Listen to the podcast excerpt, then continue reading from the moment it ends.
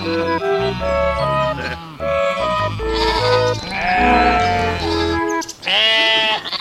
Einar! Hej Anna! Idag ska vi prata om en av dagens hetaste frågor i fårbranschen, nämligen ull. Ja, ullen har ju verkligen blivit het och det är ju egentligen inte bara i fårbranschen utan även vanliga människor, eller vad kallar vi dem? Ja. Idag är det en, en stor nyhet i media eh, om eh, samarbetet mellan ett antal modeföretag i Sverige som har gått samman för att de ska köpa stor post svensk ull för att ut, utveckla produkter. Har du sett det? Ja. Eh, det är ett antal klädföretag som helt enkelt ser en marknadsmöjlighet att marknadsföra sig med att vi har svensk ull i våra produkter och det är ju jätteroligt för alla inblandade i det. I, i många år har det varit, ärligt talat, ganska dåligt betalt för ullen och det är många som Många fårägare som egentligen inte har satsat på det men det är ju en resurs som vi har och det vore ju jättekul om vi kunde använda den resursen på ett bra sätt. Ja, men ska vi, ska vi börja med att dra lite kort bakgrunden till dagens uh, ullsverige och varför det ser ut som det gör? Ja, alltså eh, ullmarknaden har ju ärligt talat varit väldigt outvecklad i Sverige under många år. Ja, jag tänker att eh, efter andra världskriget så hände det någonting när det började komma nya material och man började tycka att ull kändes omodernt. Gammalt och mossigt, ja precis. Ja, att det, att det började redan då. Men framförallt under 70, 60, 70-talet när våran textilindustri konkurrerades ut av låglöneländer och, och mycket av tillverkningsindustrin lades ner. Ja. Så var det lite grann spiken i kistan för den svenska ullen. Men visst, visst har det varit, varit så hela tiden att för hantverksändamål så har man ju använt svensk ull. Absolut, det har ju funnits en marknad för stickarner och, Mm. och, och, och sådana saker. Men eh, det har ju varit eh, enstaka, eller ja, en, en, ett mindre antal fårägare som har satsat på ull och som har satsat på fåraser som ger ull. Som har kunnat avsätta sin ull ganska bra. Men vad vi pratar om nu är ju att mer eller mindre alla fårägare ska kunna se ullen som en resurs. Alla, vi vill att alla ska klippa sina får, eller ja det måste man göra. Men att alla ska ta vara på ullen och sälja den så att vi drar nytta av den. Där är väl det, det nya idag egentligen. Ja, någonting måste ju hända. För ullen är ju en fantastisk fiber som är helt fullmatad med goda egenskaper. Ja, alltså det är ju en produkt som passar väldigt bra in i, i dagens samhälle känns det som. Ja, det också. Den är ju naturlig och produceras på ett väldigt hållbart sätt. Ett naturligt och hållbart sätt. Man kan få ett, eh, ett kretsloppstänk, vilket ju är mycket på fokus idag. Och sen är det ju närproducerat. Det är svenskt. Det har ju också ett värde idag. Den stora skillnaden mellan svensk ull och den importerade är ju också djurvälfärden i Sverige jämfört med i många andra ullproducerade länder. Visst är det så? Det är fortfarande praxis att man kastrerar och skär bort delar av fårets rumpa i vissa länder som producerar ull utan bedövning. Ja. Och att man badar ullen i, eller hela fåren i gift är ju också praxis i väldigt många länder. Utom i Norden egentligen. För att eh, undvika ohyra. Ja, alltså en, en stor del av, av världsmarknadsullen produceras ju i Australien och Nya Zeeland och där finns det ju, det är ju klimatbetingelser som gör att det, det är besvärligare. Det är mer parasiter och ohyra och så. Mycket av det slipper vi ju här i Sverige så att Ja, de har en fruktansvärd fluga som lägger ägg i... i smutsiga i rumpor. eh, ja, precis. Och orsakar hemska skador. Så att det, den, den svenska ullen kan vi verkligen vara stolta över på många sätt. Jag tycker också man kan nämna att den svenska ullen produceras ju extremt småskaligt. För det tror jag tilltalar många konsumenter. Ja, jag tror det också. Den här Fårpodden har ju blivit ganska lång eftersom det är ett så intressant ämne. Ja, det är en maffig podd vi har gjort idag. Aha, vi, vi får skippa mellansnacket och så börjar vi med att presentera de inslag som kommer att komma här i ett svep. Jajamän, det ska vi göra. Eh, Och tittar man på det som händer i Fårsverige idag så finns det ett antal nyckelpersoner som drar mycket av jobbet. Och vi har pratat med ett antal av de här nyckelpersonerna. Fåravelsförbundet är ju en av de aktörerna på marknaden som har gjort att det händer saker på, på ullen just nu. Hos oss har vi Claudia Dillman som är den som är ansvarig för ullarbetet. Och eh, Claudia är ju ärligt talat en, en fantastisk person att lyssna till. Hon är otroligt inspirerande, har massa idéer och eh, kan dessutom göra verkstad av sina idéer. Och vi har fått en hel del hjälp av media som har intresserat sig för frågan. Kan man säga. Ja, Claudia har ju fått media intresserad skulle jag vilja säga. Så att vi, Mm, ja, vi, vi har fått läsa mycket om svensk ull även i de stora riksmedia och det, det är de första gången det har hänt. Ja, men sen har vi en annan viktig person som är Fia Söderberg som har startat, eh, hon startade Ullförmedlingen på Facebook som var den första marknadsplatsen där, man, där köpare och säljare av ull kunde mötas. Och nu har den eh, via ett projekt byggts om till en oberoende webbplats där man kan eh, köpa och sälja ull. Och sen driver ju Fia Ullpodden också, våran, eh, våran systerpodd. Ja, det som- finns ju två poddar som handlar om får i, i Sverige. den hoppas vi att alla lyssnar på. Och sen har vi Titti Strömne som ju jobbar med Fårpodden tillsammans med oss. Jajamän. Men eh, den här gången är hon med för sitt kunnande om ull och avel. Ja, idag kommer ni att höra mycket av Titti Strömne för att eh, hon har ju ullen som en av sina stora intresseområden. Hon kommer att prata med andra och eh, jag kommer även att prata med henne om det här med avel på bättre ull. Men det här eh, svepet med inslag kommer att börja på Ull i kubik som hölls på Östre Fårgård i september. Som också är ett stort ullevenemang som hålls i Halland då alltså. Och i år var även eh, Ull och spinn-SM förlagt till samma plats och dag. Ull i kubik har ju blivit en av de största mötesplatserna för ull i Sverige. Ja, vid sidan om fårfesten kan man säga, fårfesten i Kil. Precis. Som man kan lyssna på ett, en fårpodd från årets fårfest Kil också om man blir sugen på att höra mer Ja, sen. kan man scrolla ner lite grann så finns det ett avsnitt från i våras där som vi gjorde därifrån. Men på Ull i kubik var Titti och hon pratade med Marita Jönsson som är ullgeneral i Halland. Det händer mycket runt henne där. Ja, och Anna Hedendal som är känd för att hon var med och skapade Jämtlandsfåret bland annat. Hon satt ju också i SF styrelse tidigare och är faktiskt den som la grunden för det arbete som pågår nu runt ullen. Ja, hon var ju den som började att jobba specifikt för att få fart på ullen och det gjorde hon bra. Men vi börjar väl med att lyssna på dagens inslag helt enkelt. Vi börjar på Östra Fårfarm och ull i kubik. Varsågoda. Nu kommer vi till eh, klassen crossbred.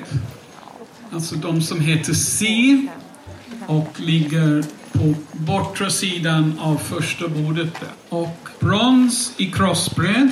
Vi premierar en ostfrisisk mjölkproducent som även ger mjuk fyllig ull till fina flätstickningar. Utdelas till Birgit Nibler.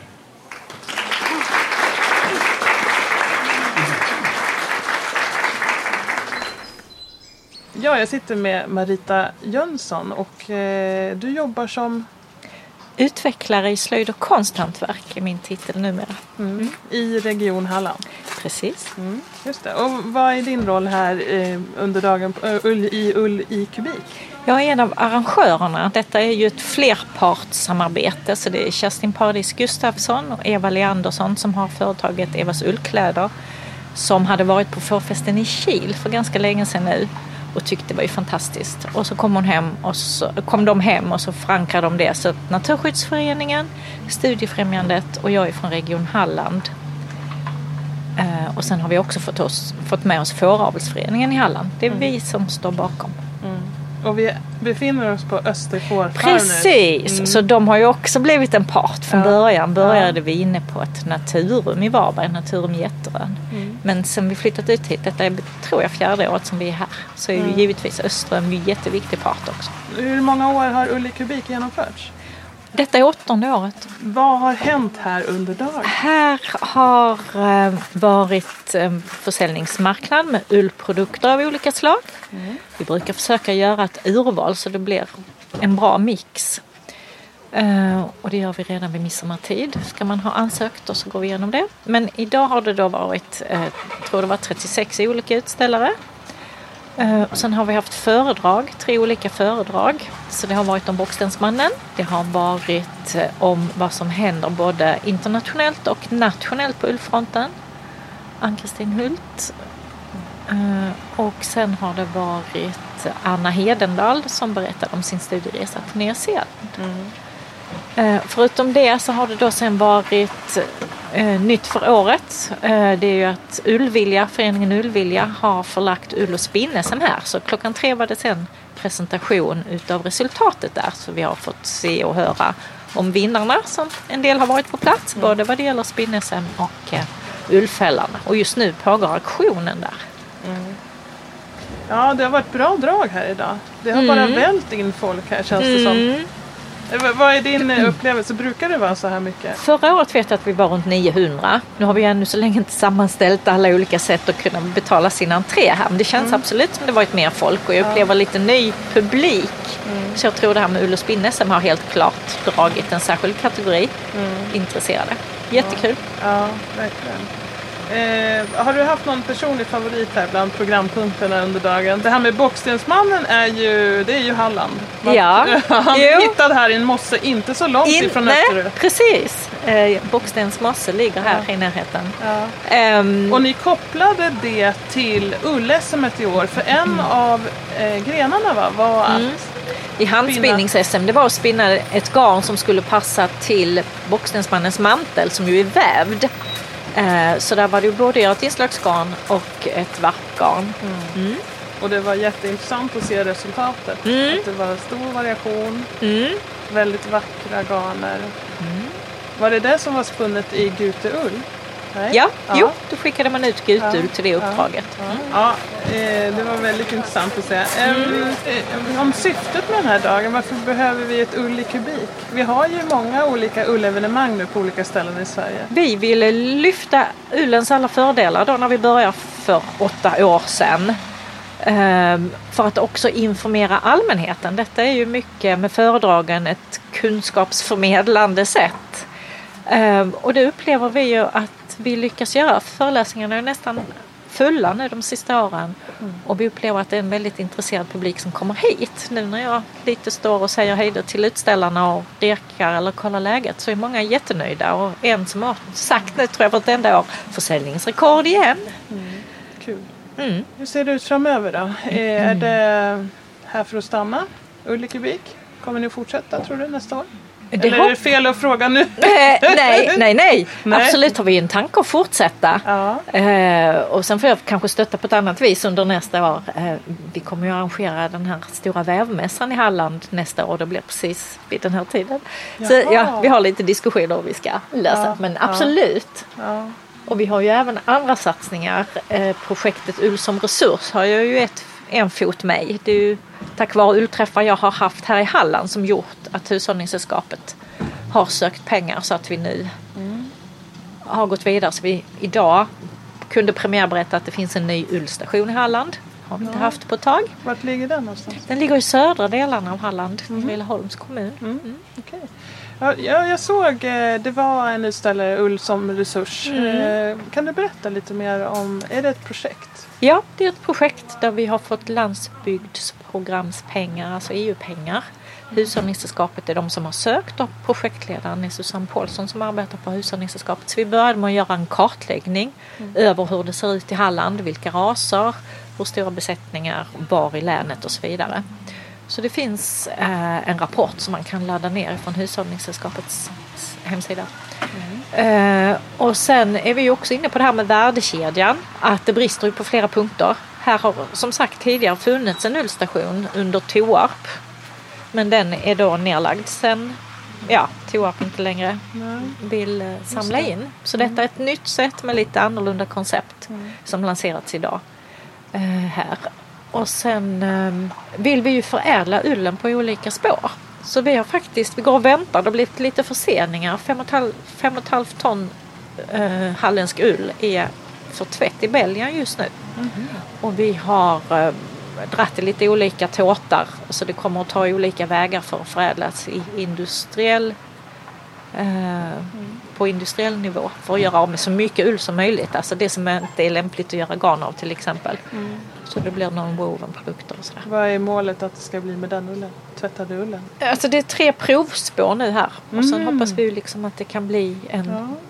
genom ullstationen också nu. Så var vi på studiebesök i tisdag så då fick vi också spännande ingångar i Sjuhäradsbygden. Så att, ja, Men ni har inget färdigt att, att den här 5,5 tonnen tvättade ullen kommer att gå in i någon ytterligare förädling när den kommer till Sverige? Jo, det är där vi har de här tre spåren och, och så det- måste det testas lite för Ja, det är okej. väldigt olika slags ull som är i den här Ja, ja, batchen som är förstår. iväg. Mm. Så det får lite ge sig vad det passar bäst som. Vad spännande, då får vi höra framöver vad som händer. Ja. Vad kul, alltså det öppnas nya initiativ alltså. Ja, och det var ju faktiskt efter den här större branschträffen som var i Stockholm, var det 2016 redan? Eh, då kände jag att det här vill jag göra i Halland. Så då gjorde jag en träff på våren där ett halvår efter, alltså en regional branschträff där jag bjöd in, för vi har så många olika parter på något vis. Och jag tror sällan jag har varit på ett möte eller aldrig arrangerat själv heller där det hände så mycket saker i rummet. Och det lever vi fortfarande på. Så det, alltså. Ull som resurs är ett resultat av det men det finns även andra saker som fortfarande rullar efter den träffen. Jättekul att höra. Ja, jag får önska varmt lycka till här nu fortsättningsvis med nya projekt och eh, även då kommande Ull i kubik. Och tack för att vi fick komma. Det har varit jätteroligt här Ja. idag. Tack själv. Vi måste jobba tillsammans för Ja. att få rätt till rätt plats. Ja, tack. Tack. Ja, nu står jag med Anna Hedendal. Eh, grattis, du har precis vunnit en, din klass med din ullfäll på, här på Ull-SM på Östra. Hur känns det? Åh, tack! Ja, det känns ju fantastiskt. Jag, jag kom ju precis från ett föredrag där jag har stått och pratat och eh, så bara hör jag mitt namn. Det var ju väldigt oväntat och jätte, jätteroligt. Vad, är det, vad kommer den här fällen från för djur? Eh, det är min avelsbagge som jag köpte förra året. Eh, han var lamm och det var en ettårig fäll eh, och han ligger ju på, på 18 mikron och 99,6 i komfortfaktor så att eh, han var mjuk var ju väldigt eh, tydligt. Och han hade ju också även väldigt fina tillväxtvärden och sådär. Så, så att eh, jag har ju verkligen hittat en pärla här tycker jag. Ja, och, och, precis. Och, och det här, den klassen som du knep guldet i, det var ju alltså Crossbred Jämtland heter den. Ja. Ja, för att eh, varför man väljer crossbred är ju för att jämtlandsfåret från början är en sån här eh, syntetisk ras. Alltså att man har slagit ihop flera raser igen, eller hur? Ja, Mm. ja. Skapat en ras, jämtlandsfåret. Ja. Eh, och det här var inte din första vinst. Du har ju vunnit tidigare, eller hur? Ja. Jag har ju Emma där hemma och så har jag hennes mamma. Emma fick guld och hennes mamma fick silver. Och Emmas bror fick guld fast han hade jag ju sålt till, eh, till Söderbackegård. gård och den här baggen som jag har nu den har jag ju köpt från Brattlandsgården så att eh, det är ju, vi byter ju djur med varandra lite Ja, grann. ja. ja, men vad kul. Det blir lite som en vinst för dem också. Ja, ja, ja, gud det är ju många som ska dela på den här glädjen tycker jag. Eh, och sen är, jag var lite nyfiken att höra om du kunde berätta vad du fick för omdöme på den här fällen. För varje fäll får ju ett väldigt bra och fint protokoll. Ja, och jag har ju fått diplomet så jag har inte fått protokollet. Men eh, Alan Waller är ju med och uttrycker sig så poetiskt och man blir bara rörd när man får höra hans vackra ord. Eh, så jag eh, har fått om, eh, diplomet då där det står Jämtlandsfäll bortom typisk. Väldigt mycket merinokänsla, extremt finfibrig men ändå av god längd. Ja, fantastiskt. Fina ord. Ja. Så det var ju jätteroligt och, och jag såg ju fällorna där inne och var väldigt Ja, jag var imponerad utav alla fällorna Ja. måste jag säga. Det är så hög klass på, på motståndarna. Mm, konkurrensen eh, är hög. Ja, ja, folk har varit med ett tag och vill, vill ju knipa medaljer så att eh, det gäller ju att ligga i lite. Ja, precis. Och kan du inte berätta lite var, vad, om din besättning? Hur många tackor har du? Och, och? Jag har nio tackor eh, och det är ju inte någon stor besättning men jag satsar ju på kvalitet och eh, jag började ju med får genom att få in merinobaggar i, i så det var då vi gjorde ordning fårhuset och eh, sen fastnade jag ju för en av baggarna som heter Brian och jag köpte avkommor till honom och började där. Eh, och en av de tackorna har ju levererat extremt bra. Så, så hon nedärver ju alltid finfibriga djur. Eh, och det, det är på hennes, liksom, och hon, mycket glans i dem också. Så att där har jag hittat ett du, jätte, jättebra djur. Sen, sen är jag ju väldigt nördig när det gäller avel så att jag letar ju djur i ja, ett år i förväg kan man väl säga. Ligger steget före i mitt tänk hela tiden. Så att ja, man är ju husdjursagronom. Ja, precis. Då är man intresserad av det här. Med. Ja. Eh, genetik och, och avelsfrågor såklart. Mm, och jag vet ju att du har, har ju varit med och skapat den här rasen. Ja, ja. Och jag tittar ju på mina lamm redan när de föds så står jag där och undrar liksom vad, vad de ska bli för någonting. Ja, ja precis. Mm. Eh, kan du berätta lite till vilka du säljer din ull i dagsläget? Ja, jag säljer min ull till, till hantverkare som, som köper och de flesta är prenumeranter på mina ullar. Så jag har, jag har eh, människor som, som har sitt får som de köper ull utav mm. varje år. Eh, och sen säljer jag ju ja, på SM och sånt där säljer jag en del och, och sen har jag sålt en del i delar. Och de här medaljmediterade djuren de får ju förfrågningar på sig hela tiden. Mm. Så det är ju jätteroligt. Inga problem att bli av med ullen med andra ord. Nej. Nej. Men jag tänker, den här, en sån här äh, medalj och ja, uppmärksamheten och klappen på axeln. Vad, vad, vad ger det dig? Liksom, vad väcker det för... Ja, men... Vad ger det dig? Det ger ju en enorm kick tycker jag. Eh, jag tycker ja, men man behöver lite guldkant på tillvaron. Både som uppfödare och som, som ull. Alltså man lägger varje steg man gör med sina får tänker jag ullkvalitet. Mm. Eh, vilka betesmarker använder jag? Vilket foder använder jag? Hur, när ska jag klippa? Hur ska jag liksom välja ut av liksom nästa generation? Och mm. Vilka tacker ska vara kvar? Vilka ska gå? Det är ju mm det är ju, alltså, he, varje steg jag gör med mina djur är ju för att få till bra ull. Mm. Eh, men jag vill ju också ha tillväxt och fertilitet och hela den biten så jag försöker liksom hålla balansen hela tiden. Mm. Eh, och det här gör ju att det blir ett kvitto tycker jag på, på att ja, rackarns man är på väg någonstans. Mm. Du, Ullen hänger med. Ja. Mm. Så att, och, är det jättekul. Mm. Mm. Verkligen. Härligt att höra. Eh, och nu ska du vara auktionsutropare förstod jag på ja, ullaktionen ja. som är efter tävlingen som faktiskt pågår just nu. Precis, Men, efter, efter ja. prisutdelningen är det ju tradition att fällarna eh, auktioneras ut och då är det ju väldigt spännande. Men som tur är så kommer Roger från Wallstedts att, att liksom mm. hjälpa till. Han har ju varit den som har hållit i det hela tiden. Mm. Ja. Så vi hjälps åt med det där. jättebra. Tack ja. så mycket för att jag fick fråga dig. Ja, tack så mycket för att du ville veta.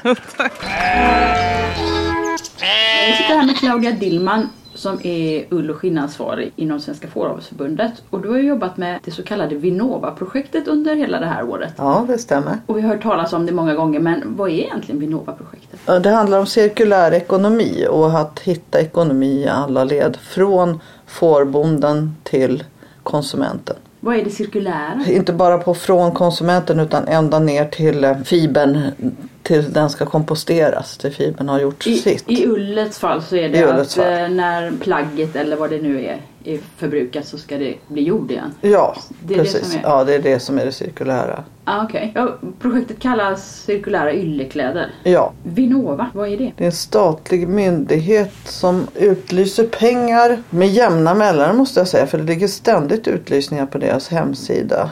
Och det är pengar till forskning och till innovation. Och, och tydligen så ansågs det här med ullen som innovativt och det är jag jätteglad för. Mm. Hur, har, hur har det gått? Vad har, vad har gjorts under året? Målet var att ta fram ett plagg utav svensk ull som skulle vara helt igenom ull då naturligtvis för att kunna gå tillbaka till jorden dagen det är förbrukat så att säga. Mm. Och eh, nu tänker jag mer att det skulle vara bra att göra kläder som kan hålla generationer också så att de inte behöver. Så att Men de kan... behöver göra mull Nej, det, det ska det definitivt vara absolut sista, sista ledet. Och mm. sen har jag fått lära mig under resans gång också att man faktiskt kan ja, få ner de där fibrerna i, i ja, inte molekyler men i alla fall att göra nya ullfiber utav gamla ullfiber. Görs det här i praktiken? Man ja, ull på det sättet? Det, precis och det var faktiskt eh, Jan Betros på Röjk som talade om för mig att eh, återvunnen ull och det var en stor grej att man okay. men det gjorde kläder av återvunnen ull. Nej, alltså kläder utav ja. återvunnen. Men, eh, men jag tycker att min mission eller vad vi ska säga för Fåravelsförbundet så vore det ju väldigt trevligt om vi till börja med tog reda på det som redan finns. Men allt det här tog avstamp i det här att den svenska ullen inte används utan bränns och komposteras. Det var en ganska stor nyhet för två år sedan. Ja, som precis. kablades ut väldigt brett. Att Ja, och sen hade- tas inte tillvara. Nej, precis. Och sen var det ju det här att eh, en stor del av den svenska ullen då, den, i synnerhet den som bränns då, är eh, korsningsull och den är ju totalt oanvändbar. Det är ju det man har fått till sig. Det Ja. har väl alla fått till Vi sig. har alltid fått liksom. höra att den svenska ullen går inte att ha till Ja, den är för grov och, och omöjlig på alla sätt och vis. Och sen, sen stod jag där och vi höll på och gjorde, det var ju projektet eh, Ullvägen till mervärde då. Och eh, vi, vi skulle göra en Filmen. film, precis. Den finns på Youtube. Vi Ja. Precis. Och när vi gjorde filmklipp till det, det gjorde vi på fårklipparnas eh, klipparutbildning. Årliga klipparutbildning. I slutet av augusti, september varje år. Och då var vi på, på Norrby gård på, hos Thomas Olsson. Och jag eh, höll mig i bakgrunden. Jag hade ju en filmare på plats och sen så var det mest så att jag skulle liksom se till vad som skulle filmas och vad vi skulle ha med för sekvenser. Så, sådär. Så stod jag och pillade på den här ullen då som, som de bara slängde upp i stora säckar liksom. Som sen skulle ner till Toarp. Så det var inte så att den skulle brännas men den, Den skulle skulle till. Nej den skulle faktiskt ner till Toarp då. då. Mm. Men det var ingen sortering eller någonting sånt utan det var bu- bukull en och ja, väldigt, väldigt grov sortering Mm. om man säger så. Så stod jag och pillade på den här ullen och tänkte men gud är det här den här berömda skitullen som inte duger någonting till. Och sen så, så tittade jag på Lena Persson som var med också som då jobbade på Ullforum. För hon var med lite grann för att vi ska göra en sekvens också om att sortera ull. Och så sa jag det till henne. Men gud den här är ju hur fin som helst. Ja jag vet sa hon. Jag, så, så, ja, hon fick ju hindra mig från att stoppa hela bilen full med den här ullen då. Men eh, då sa jag det här kan ju inte vara möjligt liksom att det här bara blir till Ja i bästa fall filtar då för Toarp då, men en hel del går på export och, och, och en hel del kasseras också utav det där då. Och, och på något vis så grodde det där, fanns det som ett litet frö kvar i mitt huvud sen när jag träffade Filippa K och Röjk vid ett senare möte. Och sen hade jag lite löpande kontakt med dem. Det fanns inget projekt eller någonting sånt men vi hade lite De kontakt. var intresserade av att börja jobba med svensk ull. De var intresserade av att börja jobba med svensk ull. De undersökte också förädlingsmöjligheten. Framförallt Jan på, på Jan Betros då på Röjk. Han höll på och undersökte vad det fanns för förädlingsmöjligheter i Sverige. Så, så vi hade lite kontakt. Och då, då, de ville gärna komma ut på en fårgård sa de. Och de ville gärna komma till ett spinneri. Så vi åkte tillsammans till Båvens spinneri och gjorde studiebesök där. Och så sa jag till dem att nu har jag en fårgård som vi kan åka till hyfsat nära Stockholm och med väldigt mycket får. Där finns kvantiteter om ni skulle vara intresserade. Och det var Norrby då? Och det var Norrbygård. Och då så bad jag också Thomas att ha lite ullprover klara då när vi kom dit. Så. Mm. Och då var vi ett helt gäng. Då var det två personer från Filippa K och så två från Röjk. Och då, och då var det ju just de som var ansvariga för en av de här områdena som också var med. Som Doreen Chang som har ansvaret då för Heavy Knitwear som kom dit. Och, och sen hade jag också under året fått kontakt med Linnea Eklund som hade jobbat i Australien i fem år som eh, ullhanterare, ullsorterare, ullklassare. Så hon hade ett sånt här, hon hade gått en När utbildning. var hon som- fått sin utbildning? I Australien. I Australien, Där. Ja, och då åker man med klipparna runt och så, så får man alltså sitt eget som typ sigill som man stämplar på balarna då. Ah, att man själv har, man har liksom, klassat dem. att man har klassat och sorterat och, Mm. och gått igenom den. Hon skrev till mig också när de här rubrikerna kom Mm. upp då att hon tyckte att det var förfärligt. Hon hade jobbat med det här Australien och kunde hon göra någonting Mm. för att föra utvecklingen framåt. Mm. Och, och jag ringde upp henne. Och så visade det sig att hon bodde i Köping, inte långt från, från Thomas. Och eh, så hon var med på det här mötet också då med Filippa K och Röjk. Mm. Allihopa. Så de fick träffas allihopa. Och då, då berättade hon ju, hon tittade ju på fibrerna och kunde liksom berätta för allihopa som var där då. Hur, vad som skilde åt och hur många mikron ungefär det är då. För Ja. det har hon i sina fingrar. Hon känner det. Mm. Ja, hon känner det. Och det är ju inte dumt eftersom vi bara har en apparat i Sverige som dessutom står uppe i Jämtland som kan Mm. mäta mikronen. Ja. Om det är någon som kan liksom se med blotta ögat och som Ska man sortera på fältet så måste man ju kunna avgöra. Precis, vi kan inte ha en Direkt. sån där maskin i fickan. Dessutom så är den extremt dyr om vi ska ha en modern variant så rör det sig om flera hundratusen. Det, det är människor som kan sitt hantverk. Det är likadant när man mönstrar gotlandsfår. Man måste ju ha väldigt mycket i fingrarna Ja. för att känna pälshårets kvalitet. Ja, precis. Så, så min, min tanke, nästa tanke då som är, är lite i Vinnova-projektet men också troligtvis kommer generera till ett nytt projekt. I alla fall en ny informationsfolder kanske en film hoppas jag. Det är ju en, just det här med ullhanteringen. Mm. Men tillbaka till Vinnova-projektet. Det här var innan Vinnova-projektet. Det här var innan vi nådde Men sen så söktes det pengar till det här projektet och det beviljades. Och sen kom Filippa K Röjk med in i projektet. Ja, och de tillfrågades redan i projektets uppstart om vi skulle göra någonting kring det. Ja, man, nu För att- passar vi på att testa. Det var, det var Precis. Nu passar vi på att testa. För att det krävs ju att man jobbar med det här och jobbar, kan lägga ner lite tid och arbete på det här för att det skulle bli verklighet. Liksom. Ja, för Och nu, nu fanns ullen. Nu, stod, nu stod ni där med ganska Ja. stora kvantiteter ull som bedömdes som fullt användbar. ja, och så hade vi gjort Sen- en liten analys också då som, som då Jan på Röjk hade gjort. Då. Ja, han hade väl kollat lite grann vad som var möjligt att göra i Sverige. När det gäller eh, tvättspinn, kard. Ja, mellanledarna. Precis så. Men nu hade vi ju chansen då i ett projekt då istället att riktigt inventera då också vilka, vilka kvantiteter och kvaliteter ull det finns. Hur många kilo man kan få fram utav en hyfsat likvärdig Ja, ja, kvalitet precis. mm, I Sverige. i Sverige. Och sen vilka mellanled som fanns också i Sverige. Mm. Och i den här vevan då, då innan projektet så hade vi också skickat då 200 kilo, ett prov alltså på 200 Mm. kilo ull från Norrby gård som gick till ullkontoret för tvätt. Mm. Och sen så skulle det gå vidare för spinning till tunt eh, garn, tunt stickgarn, fortfarande stickgarn men Mm. inte så pass tunt som det gick att göra i Sverige då. Så då skulle det ner till Bjälla. Det är flera företag som finns där så det är Mm. inte bara ett företag som heter Bjälla utan det är en ort med många. Men tradition i ull. Ja, precis. Och de, de spinner alltså högkvalitets. De gör ju garnerna och trådarna till de finaste, eh, alltså till sådana riktiga yllekostymer som, som alla kungligheter. Så det, är- det är liksom, ja, berömda. ja, Mm. precis. Och det kan vi inte göra i Sverige. Det kan vi inte göra i Sverige. För vi kan Vi har göra, aldrig kunnat spinna sånt tunt garn i Jo. Sverige. vi har kunnat gjort det. Det har funnits kamgarnspinneri i Sverige. Men det som finns kvar nu, de spillrorna av den industrin, det är stickgarner. Grövre stickgarner kan vi väl säga. Så inte, inte så pass tunt så att det går att väva utav. Okej. Så i projektet hade vi alltså möjligheten att göra en djupdykning och målet var att ta fram ett plagg Okej. och kunna arbeta mer koncentrerat med det. Och resultatet är nu två tröjor. Filippa K har gjort en tunn tröja direkt som man kan ha direkt på kroppen. Vilket förvånar mig för nu har jag också provat den. Var det den tröjan du hade igår? Ja, Den lite ljust beiga Ja, tunnstickad tröja. och den går faktiskt, alltså jag har ju alltid varit lite känslig sådär men den går alldeles utmärkt att ha direkt på kroppen. Okej. Ja, och jag är jätteförvånad alltså för det blir, ja tror, den, har, den är inte grov, hur ska man förklara det? Men den är inte Den är inte den där supermjuka heller. Nej, den är inte det är inte- kashmir eller... Nej,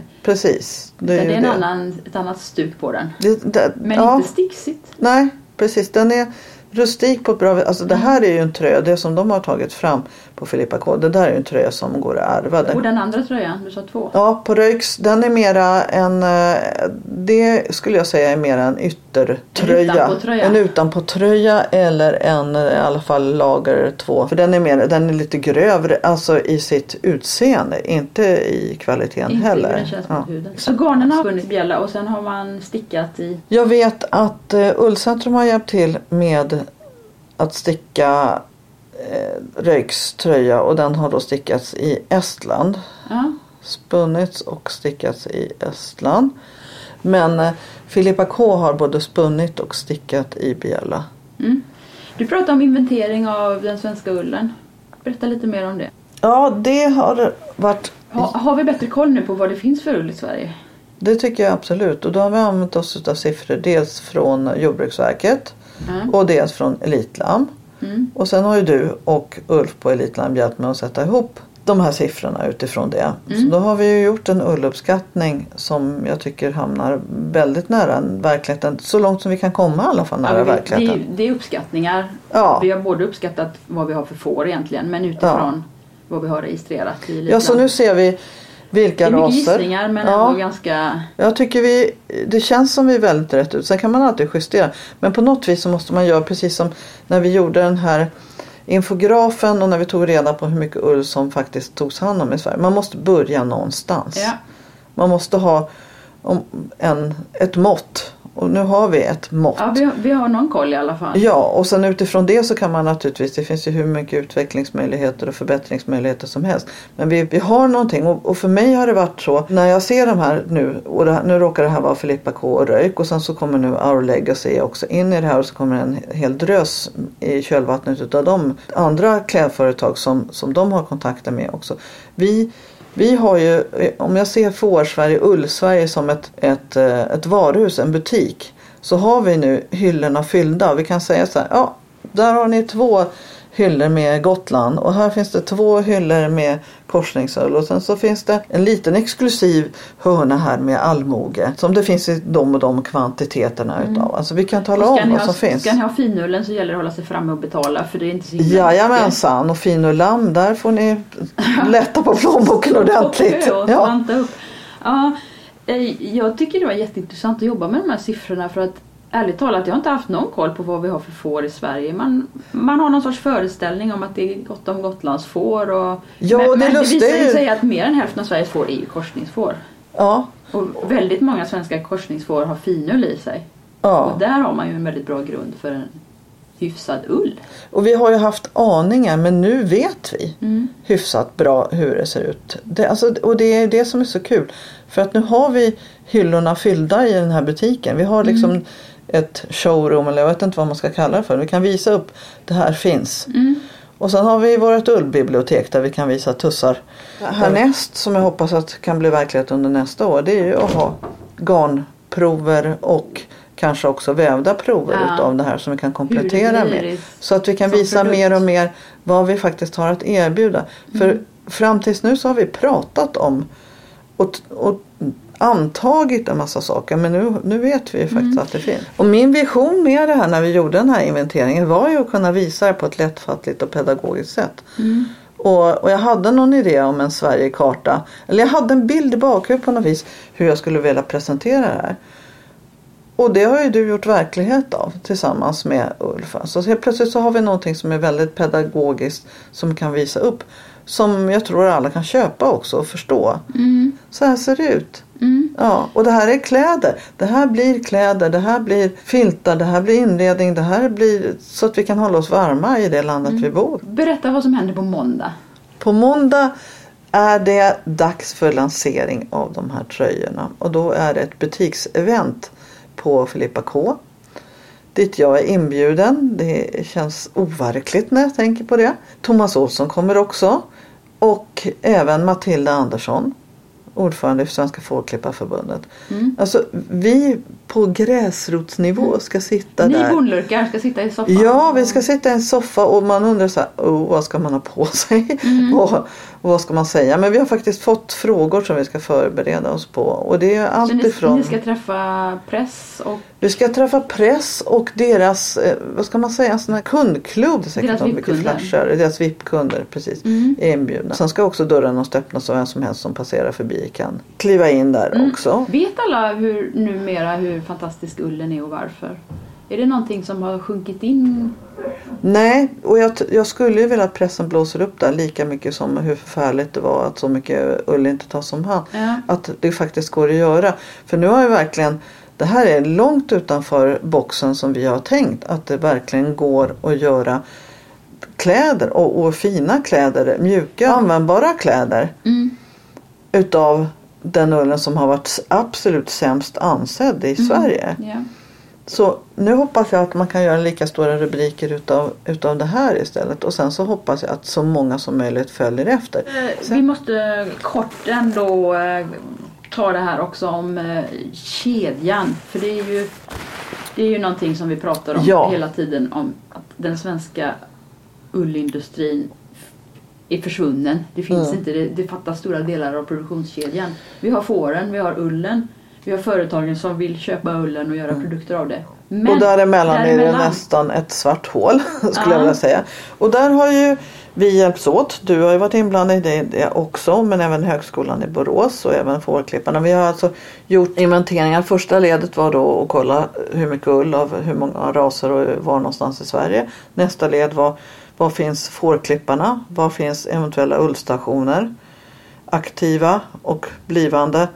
nya ullstationer för det är flera som har visat intresse. Så det har vi gjort en karta för och en sammanställning. Och sen så nästa led är ju då förädlingsledet. Mm. Och det är ju inte lätt men det, men genom våra gemensamma kontakter har vi ju fått koll på det också. Det finns en del Det finns en del. Jag är förvånad över att det finns så pass mycket. Ja, Gamla det- tekobygderna har fortfarande Precis, företag. där är det ett gytter faktiskt. Där är det, alltså, man ser ju att det där skulle kunna bli någonting i framtiden definitivt. Ett bjälla. Ett begärla. Och det roliga är ju att det där det mesta i Västra Götaland är ju de, finns ju de flesta fåren. Och sen är det också ni som har eh, de flesta bredden på raserna dessutom. Så. Och sen kommer jag inte ihåg volymerna. Det var väl störst också där då? Ja, jag tror att Västra Götaland är störst. Ja, precis. Ni är störst på allting. Vi är bäst på allt. Ja, det är fantastiskt. Så det är bara att köra. Ja, det är Det är bara, bara att att köra. köra. Så. Vi Nej, men det finns ju möjlighet att göra saker i, inom Sverige. Det finns också saker vi skulle kunna förbättra och nu har vi ju Ja. liksom satt ner det. Nu finns det på pränt. Ja. Så skulle jag vara typ 28 och starta ett företag nu så vet jag precis vad jag skulle börja starta med för någonting. Mm. Och det skulle vara... Så, och det skulle vara eh, dels behövs det flera tvätteri om vi ska kunna ta rätt på all ull i Sverige och Mm. då måste den tvättas också. Och de flesta spinnerierna idag tvättar ullen själva. Men ska vi, ska vi vad ska man säga, uppgradera oss Mm. och öka volymerna så behövs det olika led i den här kedjan. och det är Mm, man tvätteri. man bitarna, kan, nej. Och det är tvätteri och så är det kamgarnsspinneri och sen så, så behövs det de som kan väva stora sjok. Och sen tror jag fortfarande på det här med non-woven. Alltså eh, tova och valka stora stycken. Mm. För då har vi alltså hur stor marknad som helst. För Mm. utifrån det sen kan man skära ut allt. Glimmande, skimrande, grå Gotlandscapen skulle vara hur snyggt som helst. Mm. Och eh, arbetskläder, jackor, stoppning. Då behöver vi kanske inte valka det men det, ja, det beror på hur slitstarkt det ska vara. Liksom. Ja. Det, Men så vi behöver en... vi har hela eh, kedjan. Vi ha behöver en kedjan. industri som kan eh, ta, vara, ta hand om ullen och förädla den. Och vi behöver fårägare som sköter ullen på sina Ja. får och Och framförallt av, börjar avla också på. Alltså, att man tänker på ullen när man Ja. väljer planera sin avel. och jag tänker också någonting. Vi har pratat hela tiden om att det ska vara så mjukt. Och jag tänker också på avla på slitstyrka också skulle jag Mm. vilja. Mm. Alltså, Vi jag måste är, lära oss mer om ja, jag är övertygad om att finullen framför merinon har både mjukhet och slitstyrka. Men det Mm. måste man ju naturligtvis testa. Betalningen till bonden då? Vad tror vi om det? Ska vi säga något om det? Ja, om den fortsatt är låg då kommer det inte hända någonting. Alltså, eh, ekonomiskt smörjmedel skulle man kunna säga. Att använda pengar som ett smörjmedel för att sätta fart på saker. Det fungerar ju i hela världen så varför Mm. inte här också. Och ska vi rikta våran avel, ska vi ta rätt på ullen, bara ullhanteringen. Alltså klippa ullen, klippa fåren, det måste vi göra hur som helst. Men just det här att, och jag pratar inte om bara om sorte, sortering och klassificering och gud vet allt. Men alltså bara att ta ullen till sorteringsbordet, rensa bort det som ska väck och sen så packa ullen. Den personen, det är ju en person extra som behövs varenda gång Varje du gång klipper. fåren klipper. Varje gång fåret klippes. Det, det är en lön som behövs också. Mm. Och det, det kan inte vara gratis. Alltså, det får inte vara gratis. Nej. För då får vi inte upp kvaliteten. Alltså, hela det här ledet avel och sen att fåren är torra och rena. Det är mycket arbete före också. Alltså, Nej, jag köper inte riktigt det här att, ullen, eller att fåren ändå ska klippas. Därför att det är ju mycket arbete innan. Ja. Och att den är så ren och så fin att det är den schysstaste råvaran. Och jag ser framför mig i framtiden att vi har de som åker tillsammans med klipparna som gör det här jobbet och som har sina sigill också som på. Och Mm. det kvalitetsstämplas. Och se till att Redan där. på rätt plats. Ja, precis. Och sen behöver det inte alls vara så avancerat. Utan, men det behövs bra hantverksmänniskor. kunskap. Ja, kunskap och skickliga människor som är skickliga på just det här. Mm. Och de ska ha betalt. Mm. Och det får vi inte för 6 kronor kilot. Kilot, Det går inte. Nej. Utan då, måste vi, då pratar vi om 50 kronor kilot om det ska bli en lön till en person extra. Mm. Och fortfarande också lön till bonden förstås. Där har vi den cirkulära ekonomin. För det är ju liksom det är led som inte finns idag. Mm. Och det måste det betalas för. Ja. Vi ska runda av och gå till vårt möte. Eh, Vi måste tala om när vi pratar om det här projektet vilka som är inblandade och vilka som finansierar. Det är Vinnova, Vinnova som finansierar. finansierar. LRF är inblandade. LRF är projektkoordinator. SF, Svenska Förhållsförbundet, är projektledare. Sen så, så är eh, Filippa K och Röjk med som samarbetspartner. Högskolan i Borås. Smart Textiles, Linda Nydén är också min partner in crime. De är med också och står för forskningsdelen. Eh, Den här veckan som kommer så kommer det vara en stor branschträff också? Mm. i Uppsala. Ja, Där kommer du vara med. ja. Mm, vad kommer hända där i stora drag? Det är, har varit ett jättestort intresse. Jag tror att vi är uppe i 120 deltagare nu. Vi har fått byta lokal för att det var så många som ville vara med. Det är branschen alltså som jobbar med ull men även företag som är intresserade av att köpa ull. Ja, Producera saker i. ja vi i alla våra nätverk, alla vi samarbetspartners där har vi bjudit in ifrån våra nätverk. Och jag har ju haft ett nätverk i med business to business möte på Fårfesten i Kil. Så jag har ju haft 200-300 namn bara där. Det har kommit så många på de mötena som du har hållit i Kil Inte gånger. så många men de har i alla fall informerats av det. Och sen Mhm. tar det ju alltid lite tid innan folk innan det, Vaknar. Ja, precis. Men nu kommer alla? Nu kommer alla. Okej. Nu är de intresserade. Då Nämnden för hemslöjdsfrågor har ju också haft ett, ett rikt nätverk också Mm. vad jag förstår. Då. Men kanske inom liksom lite andra kategorier än vi. Men tillsammans har vi, har vi fått väldigt brett spektra. Så det är allt från um, länshemslöjdskonsulenter till representanter från Volvo som kommer. Mm. Jag säger lycka till på måndag Tack! och lycka till på tisdag. Åh, jättespännande. Ja, det här är jättespännande. Så får vi följa upp det här längre fram. Mm. Tack. Tack själv!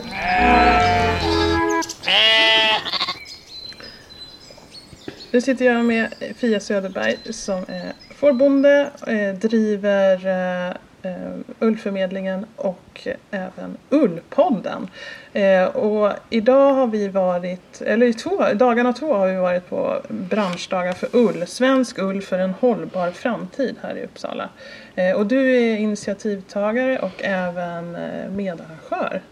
Säger du, vad är ditt eh, intryck av dagarna? Ja, nu är man ju så överväldigad över alla intryck. Eh, vi har ju varit en herrans massa människor, 120 personer i publiken och sen väldigt många föredragshållare.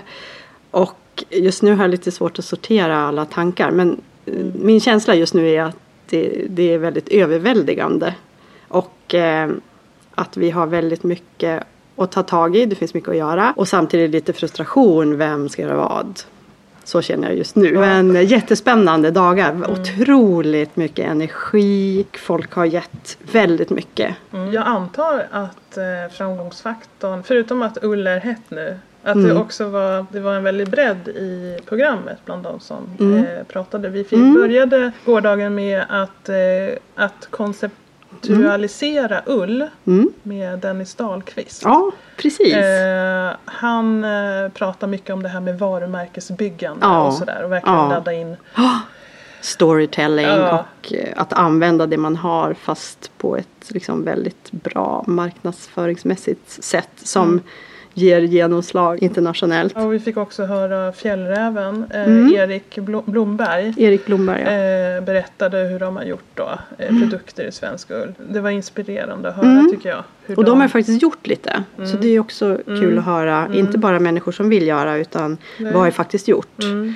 Och de har ju gjort inlägg i sina ryggsäckar till exempel. Mm. Eh, och det är ju några år sedan. Och sen har de ju ett samarbete med Brattlandsgården i Jämtland. Mm. Och tagit fram de här tröjorna som fick lite uppmärksamhet för två eller tre år sedan. Mm. Eh, och sen har de ju väldigt mycket på gång som de inte än kan berätta om. Så, så det var jättespännande att höra, eh, höra Erik Blomberg. Mm. Och där går ju den svenska ullen via eh, ullkontoret. Ja. Och vidare i deras eh, Precis. kedja kan man säga. Ja, precis. Eh, och jag tyckte det här mm, föredraget på eftermiddagen. Frida Lindberg från Alice Lund Textilier Mm. som berättade Mm. om hur de gör de här stora Mm. konstvävnader. Jag vet inte om det kallas så men Mm. det är ju som konstverk. Mm. Eh, helt Eh, otroligt. Den ja. tog, eh, vad sa hon? Tog den det var två vävnader. En för vår och sommar och en för höst Ja. och vinter. Och de tog fyra år hade Ja. de hållit på att jobba två personer med de här vävarna. Och de, var ju, de såg ju ut som de var, jag vet inte, målade. Oljemålningar. ja, det var helt fantastiskt. Och det var även eh, bonader i taket. Det var både på väggarna där i entrén på, Mm. Just på den här skyskrapan som vi fick se bilder på. Eh, och hon talade ju väldigt varmt om Mm. att, att man behöver, och det förstår man ju, väldigt hög kvalitet på Mm. materialet när Precis. man gör vävnader som ska hålla ja, Exakt. mång, ja, Ja, flera hundra år Ja. förhoppningsvis. precis. Eh, och eh, just bristen det. på ryaull. Ja, precis. De vill gärna ha en glansig, tålig ull som håller i många år och som inte tovar ihop sig till exempel om man använder den för en matta. Ja, nu var det här på väggen då, men de gör ju mattor också. Mm. Så ryaullen har de ju av tradition använt väldigt mycket av. Och de har ju brist på ull, de har ju brist på garner. Så de efterlyser ju aktörer som kan leverera. Och de har inte brist på pengar. Alltså de, de säljer ju sina konstverk, för det är ju konstverk, eh, till offentliga miljöer, kyrkor. Men också väldigt mycket internationellt. USA är en stor eh, köpare av deras verk. Så det var fantastiskt att höra henne. Hon var väldigt inspirerande att lyssna på. Ja, det, det verkligen. Och i morse så fick vi höra Stefan Nilsson, Trend-Stefan. Ja. och vi fick lära oss om eh, det här med trendsetting och sånt. Ja, precis. Eh, och eh, det var ju verkligen en sån här eh, injektion Ja, i november. det var det. Ja, det var härligt. Och han sa ju det att happy är det nya black. ja, just det. För nu går vi mot en tid där vi, vi vill må bra. Mm. Han pratade liksom hållbarhet, upplevelser, vi kommer sluta konsumera. Ja, Han spanade ju in liksom lite i framtiden. Ja. Och det vi ser just nu, som Ja. är en, ja det är kanske lite mer en trend. Han skiljer ju där på vad som är en trend och vad som är ett mönster. ja Också. det. Mobiltelefonerna till exempel idag, det är ju inte längre en trend. För vi använder ju dem Ja, dagligen. Men, Ja. Och han sa ju det, nästa år, vi kommer inte prata klimatet nästa år. Liksom. nej, nej just Vi det. kommer prata andra saker. Och Ja. just att vi går från konsumtion till upplevelser. Mm. Och då menar han att ullen är ju klockren i det sammanhanget. Mm. Den är lokalproducerad, den är hållbar som fiber. Mm. Den är genuin, den är äkta. Mm. Eh, och det finns en historia att berätta. Mm. För pratade, Precis. många här idag, i de här dagarna har pratat mycket om storytelling. Mm. Att, att vi har så många historier att berätta. Och det är ju också Mm. ursprunget på ullen och fåret. Att alla vi har ju en historia om våra får. Mm. När vi liksom blev engagerade i får eller ull. Mm. Det finns ju så mycket historier att berätta och det vill folk höra. Mm. Det, det tycker jag är spännande. Och vi, det gjordes ju en liten undersökning eh, bland deltagarna i slutet av dagen. Vem vill du eh, samarbeta med eller något sånt där? Just det. Var frågan va? Ja just det. Eh, och då var ju, då kom ju faktiskt, eller vem vill du jobba vidare med? Och då kom faktiskt fårägare var en av de största orden. Ja. Alltså flest som, Mm. som ville jobba med fårägare men Mm. också då spinneri och även Tillväxtverket alltså att, och Mm. Jordbruksverket så att man får med sig eh, myndigheterna i det här. Eh, Ja. Som ju, För det har också varit eh, återkommande de här dagarna. Att vi, vi vill prata mer liksom, med politiken och med myndigheter. Eh, för att berätta hur situationen är. För att vi behöver stöd på olika sätt för att lyfta frågan. Eller kanske ja, både finansiellt stöd och andra resurser. Om vi ska liksom, få bättre snurr på, på den här värdekedjan. Mm. Som alla återkommer till. Och jag tyckte det var intressant igår från Filippa K. Hon berättade ju om, om det här arbetet i projektet Cirkulära yllekläder. mm, Eh, där Fårahusförbundet är en aktör. Hon berättade ju väldigt tydligt att i det här projektet så har de varit inne och engagerat sig i varje steg i kedjan. Och det här är ju ett mönster som jag ser hos många modeföretag som vill använda ull. De får göra allting själva. Alltså från eh, hitta ullen, får, kontakt med fårägare och så till färdig produkt. Och det hon menade är ju att vi måste lösa alla de här stegen mellan ullen och varumärket eller slutprodukten. För att de kan inte liksom engagera sig i, i de första tre stegen. Liksom det måste finnas olika roller och där, där man kan lämna över till en, till en ny part. Och det, det tyckte jag var viktigt igår som jag hade med mig. att ja, och det saknar ju vi i Sverige. Och vi har ju just nu ett otroligt engagemang där alla vill göra något och alla gör det de kan utifrån sina förutsättningar. Men det är ju väldigt mycket upp till individen. Jag som fårägare vill inte slänga min ull. Vad kan jag göra? Jag kan sälja den kanske eller göra garn och sälja. Ehm, och hitta någon som vill producera produkter. Men det håller ju inte i längden om alla ska göra allt. Nej. Vi måste liksom hitta ett sätt och ett ty- med tydliga ramar. Och sen ska ju hela den kedjan också bära sig ekonomiskt. Mm. Så det är många utmaningar här. Eh, jo, just det. Vi hade ju även gästföreläsare Ja. från Norge här. Det var jag var väldigt Ja. intressant att höra. Och eh, de pratade ju om hur de tar tillvara på den norska ullen och den kedjan och Mm. deras ullklassificering och hur Mm. de klipper. Och, Mm. eh, och att de faktiskt eh, tar tillvara på all ull i Norge Mm. medan ja, ungefär 20-25% stannar i Norge Ja. på den norska marknaden och resten exporteras. Men de Eh. använder all ull. Det- Ja, precis. Eh, även buk och, och, och de pratar om ullavräkningar på 20-25 tusen till fårägare då som Mm. har en 100-125 Mm. tackor. Liksom. Mm. Eh, Men samtidigt så har de ett mycket, förstod vi, mycket hårdare urval i avel på Mm. Alltså när de väljer ut baggar. Just typ det. deras eh, riksbedömningar och sådär. Att de hade, alltså det spelar ingen roll hur bra kropp eller eh, korrekt exteriör han var. Hade han inte den högsta ullkvaliteten då gick han inte vidare för avel. Nej. Och då- Så de var ju väldigt hårda i urvalet där. Men, eh, ja, men Ja. Nor- Norge är ju också intressant för de, de visade ju på att det var ett speciellt avtal som de införde 1953 tror jag från staten. För att liksom få igång det här med ullen, att ta tillvara den och få bättre kvalitet på den. Så det visar ju också hur viktigt det har varit i den regionala politiken och i det statliga uppdraget att det verkligen har påverkat att de kan ha den här infrastrukturen. De har x antal ullstationer som samlar in ull. De har anställda klassificörer som jobbar med ull. De har liksom en ullindustri. Eh, Men det är ju väldigt mycket tack vare staten. En logistik. Ja. Ja, Att de, och de avsatte till och med en viss budgetpost varje år för att betala ullen. ja En del av precis. betalningen Ja. om jag förstod rätt. precis. Och så blir det ju ett incitament för fårbonden eller fårföretagaren också att ju bättre kvalitet jag har på ullen ju mer betalt får jag. Ja, ja. Och det är klart att då, då gör man ju de där insatserna. Mm. Vad tror du då? Nu kommer en svår fråga. Vilket rykte har den svenska ullen om tre år? Hur långt tror du att vi har kommit med verkstaden? man ser tillbaka på tre, det var tre år sedan den förra branschchefen var. Ja. Och eh, vi pratade ju ganska mycket samma frågor men ändå känns det som att det har hänt så mycket. För att då fanns ju inte trycket från marknaden. De här, alla vill ha svensk ull. Alla vill visa, jag är hållbar, vi jobbar med klimatsmart fiber, outdoorföretag. Volvo var ju med här idag för att få mer kunskap om svensk ull. Så jag tror om tre år så tror jag åtminstone att, att alltså svensk ull som varumärke har tagit ett steg, alltså någon slags certifiering. Det tror jag på.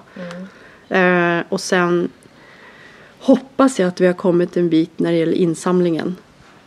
Att man som fårägare vet vart man kan vända sig för att samla in sin ull. Eller om man använder den digitala marknadsplatsen Ja. för att sälja sin ull. Mm. Ehm, För där kan man ju även ta större eh, kvantiteter. ja, ja, det finns ju inga begränsningar Nej. upp, uppåt eller Och då neråt. kan ju större köpare också se det där. Precis. Mm. Ja. Eh, men tre år, ja. Jag tror framförallt så, så tror jag att politiken är mer insatta om tre år. Mm. Vi har, ju, vi har fått väldigt många förslag här i, i de här workshopsen. Mm. Alltså Eh. förslag på olika insatser och åtgärder. Och jag tyckte att mycket var väldigt alltså realistiskt. Att det gick att förverkliga. Det var ju inte så att man kände att men gud det här kan vi aldrig göra. Mm. Och det handlade mycket om att skapa event. Så kanske en Swedish Wool Week eller en svensk ullvecka. Eller en svensk ulldag. Eller utbildning till eh, mellanstadiebarn. Eh, det har pratats väldigt mycket utbildning för olika grupper. Där barnen har varit en stor del, politiken är en annan. Fårägarna Mm. är också en, en viktig målgrupp. För att öka värdet på ullen så behöver vi också lära oss mer om vår egen ull. Mm. Men så om tre år, ja. En certifiering och en mer medveten politik. Mm. Just det. Och får jag önska ett uppdrag från Jordbruksverket till att skapa någon slags organisering av den svenska ullen. Eh, Vi har ju idag på nämnden för hemslöjdsfrågor så finns det ju en konsulenttjänst eller en utvecklartjänst på 50 procent och det är Ann-Kristin Hult som jobbar eh, som är anställd där. Och det är väl det närmaste ett statligt uppdrag vi kan komma idag. Så hon gör ju ett jättejobb här och banar väg liksom för framtiden. Jag hoppas ju att eh, Jordbruksverket kan engageras också. Att det inte räknas som en animalisk Exakt. biprodukt. Utan Precis, det är en jordbruksprodukt. En, En, ja. ja. att det betraktas som, som en resurs. För Ja. nu när man ringer till Jordbruksverket då blir man ju hänvisad till avdelningen för smittskydd och foder. Mm. Och man pratar ju formellt bara om ullen i smittosammanhang. Och det är ju också viktigt förstås. Det förstår jag. Men det finns ju ingen som formellt har ansvaret för ullen som resurs. Nej. Vilket blir ju konstigt. Men glädjande nog så hade vi ju en representant från Jordbruksverket här idag. Ja, Så det var ju också jättepositivt. Verkligen. i Norge fick vi lära oss kallas det inte biprodukt, det kallas det för en plusprodukt. Det tyckte jag, det kan vi ta till oss. Man får inte säga biprodu- biprodukt. Det låter ju som att det är någonting som bara, något litet En animalisk Ja, plusprodukt. Men eh, vad som är säkert är ju att det finns en otrolig energi i det här. Mm. Och det finns väldigt många kompetenta krafter. Mm. Eh, och sen gäller det att göra någon, någon, Mm. att det blir rätt verkstad och rätt prioriteringar. Så att vi kommer liksom Ja. framåt i det här. För jag tror att alltså målet är ju detsamma. ja, Att vi ska använda en större andel svensk ja, i, i fler produkter. precis. Och att konsumenterna upptäcker detta Ja, fantastiska material. precis. Så det är många, många delar i det här. Jag tror också det är viktigt att vi, att vi får klart för oss att vi känner vad kan jag bidra med? Alltså vad, Mm. vad kan jag göra? Är det någon sista grej som, om jag har glömt att fråga dig någonting, skulle du vilja tillägga någonting? Nej, jag tycker Kate Isenberg Larsson från Fårfesten i Kil, hon, hon är ju väldigt rolig att lyssna på. Hon avslutar där och hon, de har ju byggt Fårfesten. Och hon menar ju på att det, vi kan göra det omöjliga, liksom, om man inte tänker på det. och, men de har ju liksom lyckats skapa en, en speciell kultur som har attraherat så många människor. Så att det var ju också ett inspirerande exempel. Så. Men tack så jättemycket. Ja men tack själv, jättekul. Tack. Den här podden avhandlar ju ull i alla olika aspekter och det är faktiskt så att eh, den största påverkan vi har på ullens kvalitet det är ju den miljö som vi har våra får i. Hur vi fodrar djuren och hur vi agerar när vi klipper och när vi sorterar ullen och sådär. Men nu sitter jag och eh, pratar lite grann med Titti och vi ska fundera på vad man kan göra för att förbättra ullkvaliteten innan vi klipper fåret. Alltså avelsmässigt. Går det att förbättra ullens kvalitet med avelsmetoder? Eh, Titti, du har ju gjort ett litet arbete och grottat ner lite grann i den här frågan. Eh, och du har bland annat hållit ett, ett föredrag om det här. Ja, just det. Det var på de här branschdagarna i Uppsala eh, om ull. Svensk ull för en hållbar framtid. Då fick jag förmånen att prata lite om hur miljö och avel påverkar ullkvaliteten. Alltså det som sker före klippning. Men om man, om man börjar från början, alltså vad är ullkvalitet egentligen? Ja, en bra fråga. Det beror på vilken kund du har. Eh, Och det här, vad vill marknaden ha? Just nu så känns det som att det räcker med att eh, ullen är svensk och att den är ren. Eh, Men eh, jag tror att det här kommer att ske en differentiering eh, i framtiden så att eh, man vill ha olika typer av kvaliteter. Du menar att när marknaden mognar lite framöver så, så kommer de här frågorna att bli lite viktigare? Ja, jag, jag tror det. Om vi till exempel får till det här med ett ullklassificeringssystem i Sverige. Eh, där vi kan klassificera olika kvaliteter och kunderna får lättare att välja och se vad det finns. Eh, och att det kanske blir en större prisdifferens mellan olika priskvaliteter. Då blir det också mer intressant för fårägare att eh, kanske förändra sin ullkvalitet för att få bättre betalt eller ja, få ut mer. Eh, Mm. av ullkvaliteten från varje djur. Kan man då förbättra kvaliteten med sitt avelsarbete? Ja, absolut. Ehm, faktum är ju att ehm, genetiken har ganska stor betydelse. Eh, ullegenskaper har medelhög arvbarhet så det här går ju att göra ganska snabba avsframsteg om man gör ett medvetet urval av livdjur. Men det finns ju en Mm. baksida också. Man kan ju likväl avla eh, ganska fort för att försämra ullkvaliteten om man inte har koll. Men det roliga med, med avelsframsteg det är att när man har nått ett avelsframsteg då finns de ju där i djuret. Eh, och sen är det ju upp till oss fårägare att med rätt miljö plocka fram det. Men djuret har en genetisk kapacitet. Och det är ganska tacksamt att jobba i ett sånt läge. Ja, visst, visst är det det. Och eh, det finns ju eh, ska säga, tre raser som vi avlar för ullkvalitet idag. Det är ju finusfåret och det är ryafåret och eh, jämtlandsfåret. Eh, Jämtlandsfåret är inte med i avelsvärderingen för ullegenskaper ännu. För, för det fåret är ju ullegenskaperna viktigt så de registrerar ju ännu men det är inte utvecklat en avelsvärdering ännu för dem. Så avelsvärderingssystemet är ju det effektivaste redskapet om man vill nå avelsframsteg, eller hur? Ja, ja visst är det det. För då har vi ju, vi får ju ut avelsvärden för eh, ullegenskaper och de hjälper ju oss att liksom rangera alla djur inom en ras. Så då kan man ju välja eh, de djur som har högst avelsvärden för vissa ullegenskaper eh, och sätta dem i avel. Eh, och på så vis får vi ett, liksom ett genetiskt framsteg. Ett, ett avelsvärde som man ska kunna lita på in, förutsätter ju att, att man har tillräckligt mycket indata. Alltså helt enkelt att, att fårägare ullmönstrar sina djur och rapporterar in det i Elitlam. Ja, ja, Hur, hur, hur vanligt är det idag att eh, ägarna av ullraser gör detta? Ja, enligt data i Elitlem så ser vi att ungefär 40 procent av alla finurslam och ryalam registrerar ullmönstring eh, i Elitlam. Eh, och men de totalt är ju bara cirka 3 procent av alla lamm som registreras i Elitlam varje år. Så att det, totalt sett så är det en ganska liten andel av alla fårs, eller, eller ja, som klipps i Sverige som är ullmönstrade.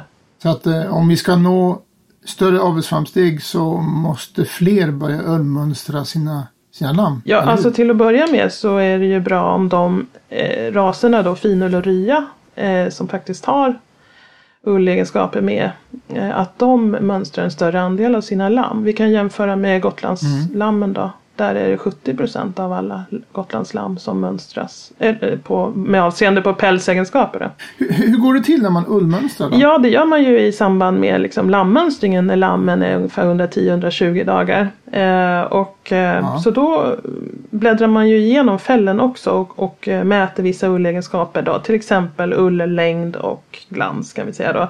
Eh, ullängden går ju att mäta så det är ju en objektiv egenskap. Medan till exempel då glans då, det är ju en sån egenskap som vi sätter poäng utifrån vad vi tycker då, eller har, lär oss. Och så det är ju en lite mer subjektivt uppskattad egenskap. Mm. Sen vet jag att Jämtlands Forum de jobbar också med fiberdiameter. Det finns ju faktiskt en, ett analysverktyg uppe i Östersund där man kan mäta fiberdiametern. Precis, fiberdiameter och komfortfaktor bland annat. Då. Och det är den här ofta, eh, ofta analysen man kan göra där man, man liksom rent instrumentellt mäter eh, en del ullegenskaper. Och de går inte att registrera i Elitlam än men de registrerar ju, alltså de har ju de här värdena. Men eh, det vore väl bra att få in de här eh, diametervärdena i avelsvärderingen också så småningom? Ja, eller eh, absolut. För just om vi Just fiberdiameter är ju liksom en egenskap som har väldigt stor ekonomisk betydelse till exempel i andra länder som är Australien som har en väldigt stor avel för ull. Men det handlar väl om att ullen eller plagget inte ska kännas sticksigt mot huden? eller Ja, hur? Ja precis. Det är det som Ja. vi eftersträvar. Att en tunnare fiber och en, med en hög komfortfaktor då ger mjuka plagg. Kan ullmönstra, gör man det själv eller tar man ut någon rekommenderad person som gör det till sin besättning? Ja, det, det kan man göra både, både och. Alltså har man, man kan ullmönstra själv och man, eh, har, man kan ju gå kurser som anordnas eh, av rasföreningarna. Särskilt när man är ny och i, med rasen eller ny och börjar ullmönstra. Då är det väldigt bra att ta ut en rekommenderad mönstrare som man liksom kan lära sig av. Och jag vet Finullsföreningen har ju tagit fram ganska mycket hjälpmedel. Alltså material. Jag vet det finns en film på, som man kan titta på Youtube bland annat. Och det finns olika instruktionshäften för sådana som är intresserade av att Mm. börja ullmönstra sina får. Jo, det är det. precis. Ett alldeles nytt material som är jättebra att gå igenom innan man mönstrar. Och, och sen alla de här siffrorna man får fram då, de kör man in i Elitlam och sen räknas de till avelsvärden. Och sen har man avelsvärdena till hjälp när man ska plocka ut de bästa livdjuren. Ja, på finhusfår, om man har renrasiga finhusfår eller ryafår så får man ju avelsvärden. Och de använder man i urvalet precis som du säger. Men om man har en korsningsbesättning, finns det någon anledning att börja titta på, på ullen om man har korsningsdjur och går det att förbättra ullen på korsningsdjur? Ja, det är kanske lite svårare. Man avlar ju på så många andra egenskaper där än just ullegenskaperna känner jag. Men eh, jag skulle ju i första hand säga att man ska inrikta sig på de här miljöfaktorerna för att förbättra ullkvaliteten. Som utfodring och lågt parasittryck och sådär. Men eh, om man vill ändå liksom in och satsa på genetiken då visst man kan ju köpa en till exempel finusbagge då. Eh, som har avelsvärden för ullegenskaper om man vill för, ha lite längre längd eller bättre glans och sådär. Eh, de här framstegen som vi gör i renrasaveln på ullegenskaper de är ju tanken också att de kan sippra ner i i korsningarna till exempel. Fin dorset eh, som är ju vanligt eh, tackmaterial på korsningssidan. Eh, så där kan man ju Ja. dra nytta av, eh, av eh, framsteg i, i aveln mm, som görs i de rena raserna. Men det, det är ändå inte huvudfokus i en korsningsbesättning? Eller? Nej, men visst har man ett särintresse så kan man ju faktiskt ullmönstra sina alla sina lamm också om man vill eh, och registrera i elitlamm. Men man kommer inte att få avelsvärden på ullegenskaper. Men eftersom de har relativt hög ärvbarhet så är ju mycket, eller ganska mycket av det vi ser är ju, kommer kanske att nedärvas. Eh, så att eh, ja, i alla fall vad gäller till exempel längd och så på ullen. Den har nästan 50% ärvbarhet. Sen har vi ju några av de stora raserna i Sverige, Gotland och Leicester. Där har man ju avlat på, på pälsen i alla år. Men hur är ullen på de djuren? Ja, eh, den är ju egentligen helt annorlunda när man har avlat för en, en pälshårskvalitet. Alltså hur, hur ullen kommer att bete sig och se ut när det sitter på skinnet. Eh, och det är berett. Så att eh, eh, den ullen eh, har ju helt andra egenskaper. Men den blir ju eh, de som har lärt sig att förädla den här, för det finns ju ändå de som till exempel har lärt sig att spinna garn av den här halkiga och glansiga och vackra fibern. Eh, och det blir ju också en fantastisk produkt. Så ullen går att använda men eh, det krävs lite annan teknik för att exempelvis spinna mm. garn. Jo, det gör ju det. Men eh, är det någon idé att fundera på att förbättra ullens egenskaper på skinnen? Alltså går det att förbättra ullen med avel utan att skinnen blir sämre? Nej, egentligen inte. Utan har man, de här pälsraserna har ju som främsta avelsmål att eh, eh, förbättra eh, pälsegenskaperna. Eh, och det är det man ska ha det fortsatta aveln inriktad på. Eh, visst, det finns exempel på de som kanske kör en en ulllinje även om man har gotlandsfår eh, och man avlar mer på ullegenskaperna. Men då blir det en annan typ av fiber som kanske är lite svagare som pälshår. Alltså när den sitter på skinnet så tål, tål den sämre slitage och så vidare. Eh, så det blir en annan typ av ull då. Nej, e egentligen inte. Man får liksom bestämma sig där om man har avlar på ett pälshår som ska vara snyggt på skinnet. Det är den typen av då får man ha den inriktningen. Ja, så att eh, fortsätt avla på vackra skinn och sen så hoppas vi att det finns fler som lär sig att använda ullen också, rent tekniskt. Mm. Alltså som vanligt om vi tittar lite större och vidare så eh, många av de stora fårländerna har ju kommit längre än vad vi har gjort i Sverige på att eh, använda ullen på ett bra sätt. Exempelvis Norge och eh, Australien och Nya Zeeland. Mm. Och där registrerar man ju också fler egenskaper än vad vi gör i Sverige. Bland annat vikten på ullen, alltså på ullfällen, eh, stapelstyrka, fiberdiameter och så vidare. Kommer vi att eh, Tror du att vi kommer att använda det mer i Sverige framöver också när ullen blir mer intressant? Ja, varför inte? Jag tror att eh, det är dags eh, för en analys att se över det här.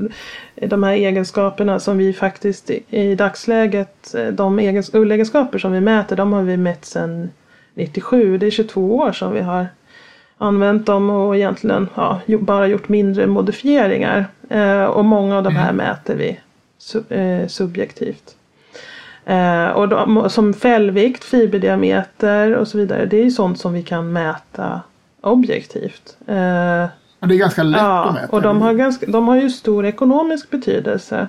Så frågan är om vi inte liksom mer ska kanske ska kolla om det här är någonting som eh, är mer aktuellt eh, för de svenska fåraserna i, i framtiden när de här nya marknaderna öppnas. Men kan vi på något vis sammanfatta den här diskussionen med några korta punkter? Vad, vad har vi kommit fram till? Ja, eh, jag tycker så här. Om du, har, om du redan har någon av ullraserna som finull och rya eller Jämtland så, så ullmönstra dina lamm för då får du ett bra un underlag eh, till att göra rätt urval av livdjur så att du liksom kommer framåt i att förbättra ullkvaliteten på dina djur.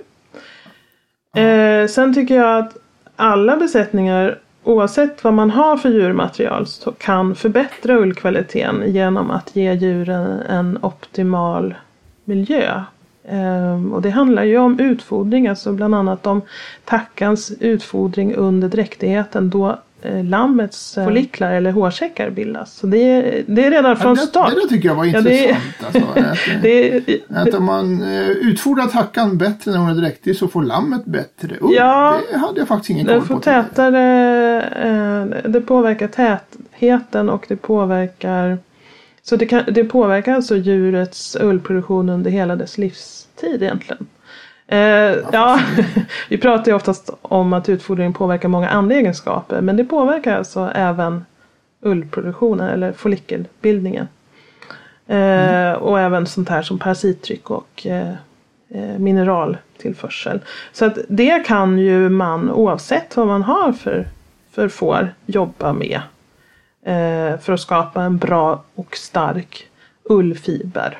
Sköt om tackan ordentligt när hon är dräktig så får lammen bättre ull. Ja precis, eh, men man kan ju liksom inte pressa fram eh, bra ullkvalitet från ett dåligt skött djur. Så Nej. är det. Och sen då till sist tycker jag kanske att, som jag nämnde då, att det är dags för en översyn om eh, vi ska registrera, om vi till exempel ska registrera nya ullegenskaper som vad vet jag, fällvikt, fiberdiameter. För mm. att i framtiden så kanske ullen kommer att vara en mer ekonomiskt viktig egenskap för alla raser i Sverige och då är det liksom viktigt att den finns med i avelsprogrammet. Det är spännande just nu. Det händer mycket på ullen och eh, vi hoppas ju allihop på en, ett ökat värde för ullen fram, framöver och då blir det många intressanta frågor att ta tag i och jobba med. Men då säger vi hej och tack så ja, länge. Tack! Ja du Anna, det var ett långt och maffigt inslag och jättemycket saker som vi fick till oss. En av, alla sakerna som jag fastnade för måste jag säga, det var i eh, snacket som var med Fia Söderberg och hon pratade om norrmännen som hade introducerat ordet plusprodukt istället för biprodukt. Och det tyckte jag var himla positivt. Alltså ordet biprodukt känns ju alltid som att det är någonting som är vid sidan om som råkar bli över och så kanske man kan använda dem till något kul. Men plusprodukt det låter ju bara som någonting som adderar värde till någonting som finns. Och eh, jag tycker absolut att vi ska se ullen som en plusprodukt istället för en biprodukt. Ja, men biprodukt låter ju giftigt. Ja, så det ska vi ju inte kalla det. Men jag vet inte, plusprodukt. Det får mig lite att tänka att eh, fortfarande köttet och skinnen och eventuellt mjölken i huvudprodukten ullen är något lite extra som kommer till. Jag tycker att eh, ullen måste börjar betraktas som en av huvudprodukterna. Fåret är ju fantastiskt som har så många huvudprodukter. Ja, ja det, är ju, det är ju sant, självklart. Så jag är inte helt, jag är, triggar inte på ordet lika mycket som du men det kanske får växa ja. på mig. Jag har fel. Jag har fel ibland. Mm, Ja, men vad tänker vi mer? Behöver vi sammanfatta det här på något sätt? Ja, alltså det är ju en jättefråga egentligen. Hur ska man få fart på den svenska ullproduktionen? Och det är ofta så lite hönan och, och ägget diskussion. Men jag tycker att, att eh, jobbet nu görs på ett ganska konkret sätt. Man, man måste liksom göra saker i, i rätt ordning. Och det tycker jag att det görs just nu. Alltså om vi säger så här först då. Vad är det som finns? Vad är svensk ull egentligen? Hur mycket har vi och var finns det och vilken sort är det och så vidare. Och det, det har ju eh, Fårdagsförbundet gjort en intressant inventering som har visat ungefär vad som finns på marknaden. Ja, det, det handlar om ungefär 1200 ton per år Från, i runda Mm, från- slängar. Det kan ju bli mer såklart, men det, är- det är där någonstans. Och av en, eh, en rik variation av raser och Ja, typer. precis. Men all går att använda i princip. Om man, om man sköter djuren och ullen på rätt sätt så att ja, den inte blir och då är, förstörd. då, nä, så går den och det är nästa fråga då. Okej, vad ska vi göra med den här ullen? Ja men det är, bara det är bara fantasin som sätter gränser där. Man kan ju göra allt ifrån kläder till marktäckning Mm. egentligen. Den, sämsta, den smutsigaste ullen kan man ju använda i trädgården eller i Ja, eller skydda granplantor eller någonting sånt där. Men, och då kommer vi då till nästa steg. Finns det då företag som kan och som är villiga att göra någonting med den här ullen? Det finns ju uppenbarligen eh, för många som vill använda ullen nu. Och det finns även ett, ett antal faktiskt eh, tillverkningsföretag eller eh, beredningsföretag kvar i Sverige. Även om det är en skugga av vad som fanns i fornstora dagar så finns det fortfarande en viss industri kvar. Och, och det här är ju rätt väg att gå för att om man börjar med att att hitta företag som faktiskt vill köpa ull. Ja, då kan ju fårbönderna också känna att ja, det finns faktiskt en intresserad köpare till min ull och då kan man satsa lite extra på att göra det bästa av den ull man har. Ja, men mycket handlar ju om att, att skapa efterfrågan och att vi som producerar ullen lär oss att ta hand om den och behandla den på ett lämpligt sätt så att det blir en bra råvara. Ja, och där har vi fårägare mycket kvar att lära hur vi ska göra det bästa av våran ull. Men eh, vet vi att det finns en, en avsättning för den så är man ju motiverad att förbättra sig också. Ja, och sen är det ju det här med betalningen som Claudia pratade mycket om. Att eh, man måste få betalt för ullen och det extra arbete som det innebär att ta vara på den. Annars så kommer det ju aldrig att funka. Plus som eh, Filippa K pratade om då det här, alla de här stegen mellan ullproduktionen och deras, där deras arbete tar vid. Så saknas det ett antal steg som, som behö, någon, någon behöver ta Ja, tag vi i. behöver helt enkelt skapa en logistik så vi kan sortera ullen rätt och, och transportera den på rätt sätt och till rätt ställe och tvätta den kanske om det behövs och så vidare. Ja, och ska vi producera produkter helt i Sverige så behövs det mer tillverkningsindustri också. Men eh, allt det här pågår just nu och det är det som är så kul att det inte bara snack utan det, det är en hel del verkstad så att eh, jag ser att eh, vi har en väldigt spännande ullframtid framför oss och jag hoppas att den här podden kanske har visat er som lyssnar att det faktiskt är så. Den gamla myten om att den svenska ullen inte är någonting att ha. Den har ju vi officiellt i november 2019 dödförklarat. Ja, den finns inte längre. Nej, den, den svenska ullen är en värdefull och otroligt användbar produkt med massor av mervärden. Nu har vi pratat ull så att det nästan luddar sig i öronen. Men vi brukar alltid avsluta de här poddarna med en liten spaning ut i fårverkligheten också. Eh, hur ser det ut hemma på din fårgård just nu Ann? Ja, det är tämligen mörkt Ja, usch, alltså. Solen går inte upp numera. Det regn... Idag, nu har det inte regnat på två dagar vilket gör att det är ganska trevligt men det ska komma nytt eh, från väster ikväll så att det Det är som vanligt alltså. Ja, och jag då va? Jag brunnspassar, för jag ska ju seminera. Just det. Eh, det har jag gjort sedan jag kom från Stockholm för 17 år sedan. Hur många tror du har brunstat? Ja, nästan alla. Nej, inte någon. Nej, vad är det som händer? det är helt otroligt. Jag tänkte att ja, de brunstade nog när jag var i Stockholm. Så att det var ju lite dåligt men eh, om 17 dagar så kommer det ju igång igen. Men det har det inte gjort. ja, den måste, då kommer allihop på en gång ska du säga. Ja, en, ta- en tack har brunstat men det är hon som inte ska seminera. Vad typiskt. Och så hon har fått gå in och vara med baggen men ja, nej, så att jag bryr mig inte så mycket för att jag har ju varit sjuk så att jag har varit rätt glad varenda gång jag har kommit ut och konstaterat att det är noll Okej, aktivitet. men nu är du på banan och nu kommer de börja brunsta allihop på en gång. Ja, de måste ju börja snart annars så blir det ju alldeles för sen lamning men äh, ja, vi, vi får se hur det går. Ja, Jag kanske ska tillägga också att jag inte har synkat tackorna. Så det är ju ganska mycket mitt eget fel. Man, man, man, ska inte bli avskräckt men man behöver inte kanske vara riktigt så lat som jag är utan man kan kosta på sig att försöka synka dem. Då, då ska det inte bli så här. Mm. Och hemma hos dig då?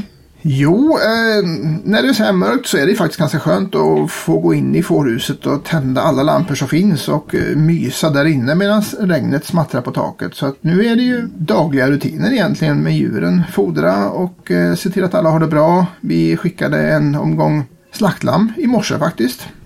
Eh, och det kommer vi göra kontinuerligt nu i vinter. Vi har ju ganska mycket vinterlamm som vi skickar till slakt så det brukar bli ungefär en gång i månaden. Men sen är jag ju en sån här uppenbarligen lite märklig bonde som tycker det är jätteroligt att bygga stängsel. Och det är en perfekt tid nu när alla andra arbeten på gården är färdiga. Höstplöjningen är klar och jag har till och med tvättat alla mina maskiner och ställt in. Så att nu håller jag på och bygger nya stängsel.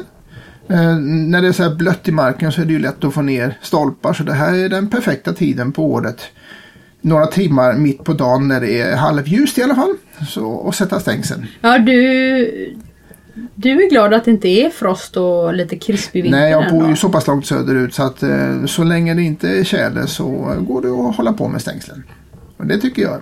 Ja, det är ju rätt gött i vår när våren kommer och vara färdig med stängsel. Ja, åtminstone med nystängslingen som vi har. Vi, vi har ett antal eh, gamla betesmarker hos eh, på våran arrendegård som inte har varit betade i många år som vi håller på att restaurera och ska så det åter ska komma djur dit och det känns väldigt roligt.